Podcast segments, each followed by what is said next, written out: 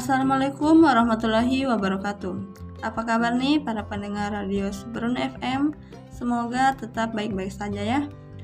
Seneng banget rasanya Erika bisa menemani para pendengar di acara Gurung SMA. Oke deh untuk mengawali jumpa kita di hari ini Erika puterin dulu lagu berikut ini. Kau bisa patahkan kakiku Tapi tidak mimpi-mimpiku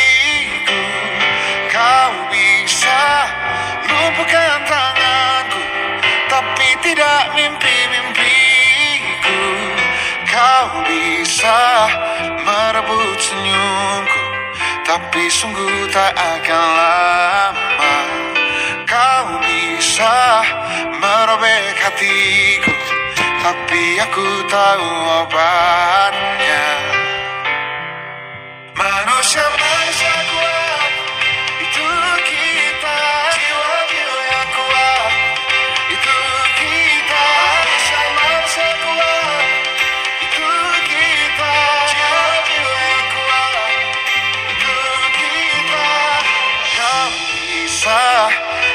hitamkan putihku Kau takkan gelapkan apa pun Kau bisa runtuhkan jalanku Kan ku temukan jalan yang lain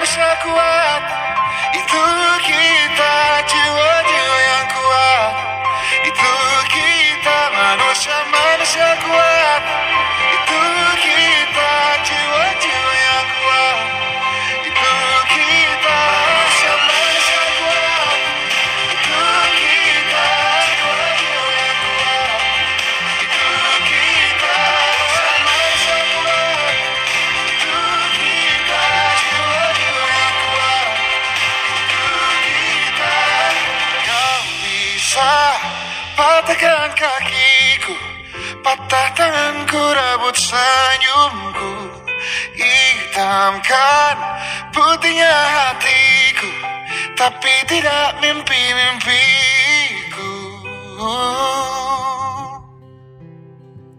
Halo para pendengar radio Seperun FM, masih bersama saya Erika di acara Gurung SMA. Bersama salah satu guru di Pulau Sabutung yaitu Pak Hedar yang akan memberikan tutorial belajar kepada adik-adik. Dan sekarang sudah berada di hadapan saya Pak Hedar. Halo Pak, Ya, gimana kabarnya hari ini Pak? Alhamdulillah kabar hari ini baik. Alhamdulillah. Oh ya Pak, mata pelajaran apa yang akan Bapak bawakan dan untuk kelas berapa? Jadi mata pelajaran yang saya akan bawakan pada hari ini yaitu kimia, mata pelajaran kimia materinya adalah sistem koloid yang dipelajari pada kelas 11. Buat adik-adik kelas 11, silahkan dipersiapkan alat tulisnya dan untuk Pak Hedar saya persilahkan untuk memberikan materinya. Silahkan Pak. Ya. Eh, terima kasih penyiar D. Irika. Jadi pada hari ini saya akan memberikan materi berjudul sistem koloid untuk kelas 11 pada semester genap. Adapun tujuan pembelajaran yang ingin dicapai setelah mendengarkan materi ini, yang pertama diharapkan mampu menjelaskan pengertian jenis-jenis dan sifat-sifat koloid. Yang kedua, mampu mengidentifikasi dan mengelompokkan sifat-sifat koloid. Kemudian yang ketiga, mampu mendeskripsikan peranan koloid dalam berbagai macam industri. Nah, para pendengar Radio Superno FM, eh, untuk selanjutnya saya akan memberikan uh, pengertian dari koloid. Istilah koloid pertama kali diperkenalkan oleh Thomas Graham pada tahun 1861. Koloid berasal dari kata kolia yang dalam bahasa Yunani berarti lem. Pengertian koloid adalah campuran heterogen dari dua zat atau lebih di mana partikel-partikel zat terdispersi atau tersebar merata dalam medium zat lain. Zat yang terdispersi sebagai partikel disebut fase terdispersi, sedangkan zat yang menjadi medium mendispersikan partikel disebut medium pendispersi. Secara makroskopis, koloid terlihat seperti larutan, di mana terbentuk campuran homogen dari zat terlarut dan pelarut. Namun secara mikroskopis terlihat seperti suspensi, yakni campuran heterogen di mana masing-masing komponen campuran cenderung saling memisah. Kemudian jenis-jenis koloid. Sistem koloid dapat dikelompokkan berdasarkan fase terdispersi dan fase pendispersinya. Berdasarkan fase terdispersi, jenis koloid ada tiga, antara lain sol, yaitu fase terdispersi padat, emulsi, fase terdispersi cair, dan buih, fase terdispersi gas. Koloid dengan fase pendispersi gas disebut aerosol. Berdasarkan fase terdispersi dan pendispersinya, jenis koloid dapat dibagi menjadi delapan golongan seperti yang akan saya sampaikan pada contoh berikut. Yang pertama, fase terdispersi cair dan fase pendispersinya gas jenis koloid yaitu aerosol. Contohnya kabut, awan, dan hairspray. Kemudian yang kedua, fase terdispersi padat Kemudian fase pendispersinya gas jenis koloid aerosol seperti debu di udara. Kemudian yang ketiga, fase terdispersi gas dan fase pendispersi cair disebut buih. Contohnya buih sabun dan krim kocok. Kemudian keempat, fase terdispersi cair dan fase pendispersinya cair, jenis koloid disebut emulsi. Contohnya susu, santan, dan mayones. Kemudian yang kelima, fase terdispersi padat. Kemudian fase pendispersinya cair disebut jenis koloid sol. Contohnya sol emas, tinta, cat, dan pasta gigi. Kemudian yang keenam, fase terdispersi gas, kemudian fase pendispersi padat. Jenis koloid disebut buih padat. Contohnya karet busa, styrofoam, dan batu apung. Kemudian yang ketujuh, fase terdispersi cair, Kemudian fase pendispersi padat. jenis koloid emulsi padat atau gel. Contohnya margarin, keju, jelly, dan mutiara. Kemudian yang kedelapan, fase terdispersi padat. Kemudian fase pendispersi padat. Jenis koloid disebut solvadat. Contohnya gelas berwarna dan intan hitam. Kemudian sifat-sifat koloid. Sifat koloid yang pertama yaitu efek tindal. Ketika seberkas cahaya diarahkan kepada larutan, cahaya akan diteruskan. Namun ketika berkas cahaya diarahkan pada sistem koloid, cahaya akan dihamburkan. Efek penghamburan cahaya oleh partikel koloid ini disebut efek tindal. Kemudian sifat yang kedua yaitu gerak brom.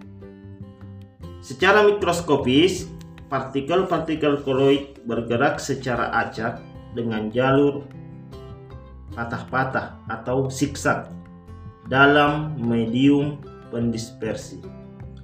Gerakan ini disebabkan oleh terjadinya tumbukan antara partikel koloid dengan medium pendispersi. Gerakan acak partikel ini disebut gerakan Brom. Gerakan Brom membantu menstabilkan partikel koloid sehingga tidak terjadi pemisahan antara fase terdispersi dan medium dispersi oleh pengaruh gaya gravitasi. Kemudian sifat yang ketiga yaitu adsorpsi. Partikel koloid dapat menyerap partikel-partikel lain yang bermuatan maupun tidak bermuatan pada bagian permukaannya. Peristiwa penyerapan partikel-partikel pada permukaan zat ini disebut adsorpsi. Kemudian sifat yang keempat yaitu koagulasi. Muatan listrik sejenis dari partikel-partikel koloid membantu menstabilkan sistem koloid. Jika muatan listrik tersebut hilang, partikel-partikel koloid akan menjadi tidak stabil dan bergabung membentuk gumpalan. Proses pembentukan gumpalan-gumpalan partikel ini disebut koagulasi. Pendengar setia radio Superun FM, kita break sebentar sambil dengerin lagu berikut ini.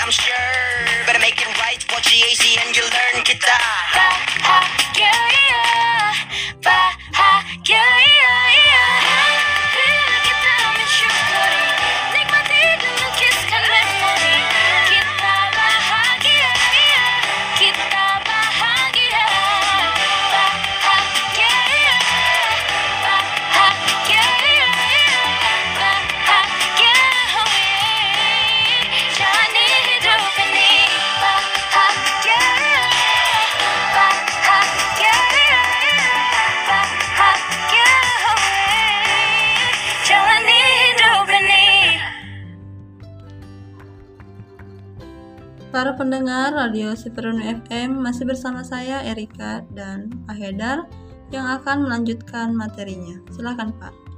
Oh, ya. Nah, jadi tadi saya sudah sampaikan tentang sifat-sifat koloid. Jadi sifat-sifat koloid itu ada empat. Yang pertama efek Tyndall, kedua gerak drone, ketiga adsorpsi, dan yang keempat koagulasi. Eh, selanjutnya saya akan berikan menyampaikan tentang pembuatan koloid. Bagaimana koloid itu dibuat. Jadi pembuatan koloid itu yang pertama dengan cara dispersi yaitu memperkecil ukuran partikel. Cara dispersi ini terbagi ke dalam yang pertama cara mekanik. Pada cara ini butiran-butiran kasar digerus ataupun digiling dengan penggiling koloid hingga tingkat kehalusan tertentu lalu diaduk dalam medium pendispersi. Contohnya sol belerang dapat dibuat dengan menggerus serbuk belerang bersama-sama dengan gula pasir. Kemudian serbuk yang sudah dihaluskan itu atau yang halus tersebut dicampur dengan air. Kemudian cara peptisasi. Pada cara ini, partikel-partikel besar dipecah dengan bantuan zat peptisasi atau pemecah. Contoh, endapan Al OH 3 kali dipeptisasi oleh AlCl3. Kemudian cara homogenisasi. Proses homogenisasi menggunakan mesin homogenisasi, contohnya pada pembuatan susu kental manis. Kemudian cara busur bredik. Suatu alat yang khusus digunakan untuk membentuk koloid logam atau cara ini digunakan untuk membuat sol-sol logam seperti perak, tembaga, dan platina. Logam yang akan dijadikan koloid digunakan sebagai elektroda yang dicelupkan dalam medium pendispersi, lalu kedua ujung elektroda diberi loncatan listrik. Kemudian cara pembuatan koloid yang kedua yaitu kondensasi. Cara ini terbagi ke dalam yang pertama reaksi hidrolisis. Reaksi ini umumnya digunakan untuk membuat kulit-kulit basah dari suatu garam yang dihidrolisis atau direaksikan dengan air. Kemudian yang kedua, dengan cara reaksi redox. Reaksi yang melibatkan perubahan bilangan oksidasi, koloid yang terjadi merupakan hasil oksidasi atau hasil reduksi. Kemudian yang ketiga, dengan cara pertukaran ion umumnya dilakukan untuk membuat koloid dari zat-zat yang sukar larut yang dihasilkan pada reaksi kimia. Kemudian, peranan koloid dalam berbagai macam industri. Yang pertama, peranan koloid dalam industri kosmetik. Dalam bidang kosmetik, kita sering menggunakan koloid dalam pelarut tertentu seperti pembersih muka, pewangi badan berbentuk spray, sprot rambut, gel untuk rambut, dan produk kosmetik lainnya. Kemudian kedua, peranan koloid dalam bidang makanan. Makanan yang kita konsumsi sehari-hari ada yang berbentuk padatan ataupun cairan. Akan tetapi, terkadang beberapa makanan yang berbentuk padatan sulit untuk dicerna. Sehingga oleh pabrik, produk-produk makanan dibuat dalam bentuk koloid. Produk-produk makanan yang menggunakan sistem koloid antara lain kecap, saus, keju, mentega, dan krim. Kemudian yang ketiga, peranan koloid dalam bidang farmasi. Seperti halnya makanan, obat pun ada yang berwujud padatan atau tablet, sehingga bagi anak-anak sulit untuk menelannya. Untuk mengatasinya, obat tersebut dikemas dalam bentuk koloid, sehingga mudah diminum. Contohnya obat batuk yang berbentuk sirup. Kemudian peranan koloid dalam industri tekstil. Dalam industri tekstil, seperti pewarna tekstil berbentuk koloid karena mempunyai daya serap yang tinggi sehingga dapat melekat pada tekstil. Dan yang kelima, peranan koloid dalam industri sabun dan deterjen. Sabun dan deterjen merupakan emulgator untuk membentuk emulsi antara kotoran atau minyak dengan air. Sehingga sabun dan deterjen dapat membersihkan kotoran terutama kotoran dari minyak. Demikian materi koloid yang saya sampaikan pada kesempatan ini. Semoga bisa dipahami oleh para pendengar Radio Siparungu FM. Demikian, Assalamualaikum warahmatullahi wabarakatuh. Para pendengar Radio Seperon FM, itulah tadi materi yang telah dibawakan oleh Pak Haidar. Semoga adik-adik kelas 11 bisa mempelajari kembali materi yang telah diberikan. Terima kasih Pak Haidar telah memberikan materi pada hari ini. Para pendengar setia Radio Siperunu di mana pun Anda berada, saya ingatkan untuk tetap ikuti protokol kesehatan dengan mencuci tangan, menggunakan sabun, memakai masker, dan selalu menjaga jarak. Mohon maaf apabila ada salah-salah kata. Saya pamit undur diri. Assalamualaikum warahmatullahi wabarakatuh.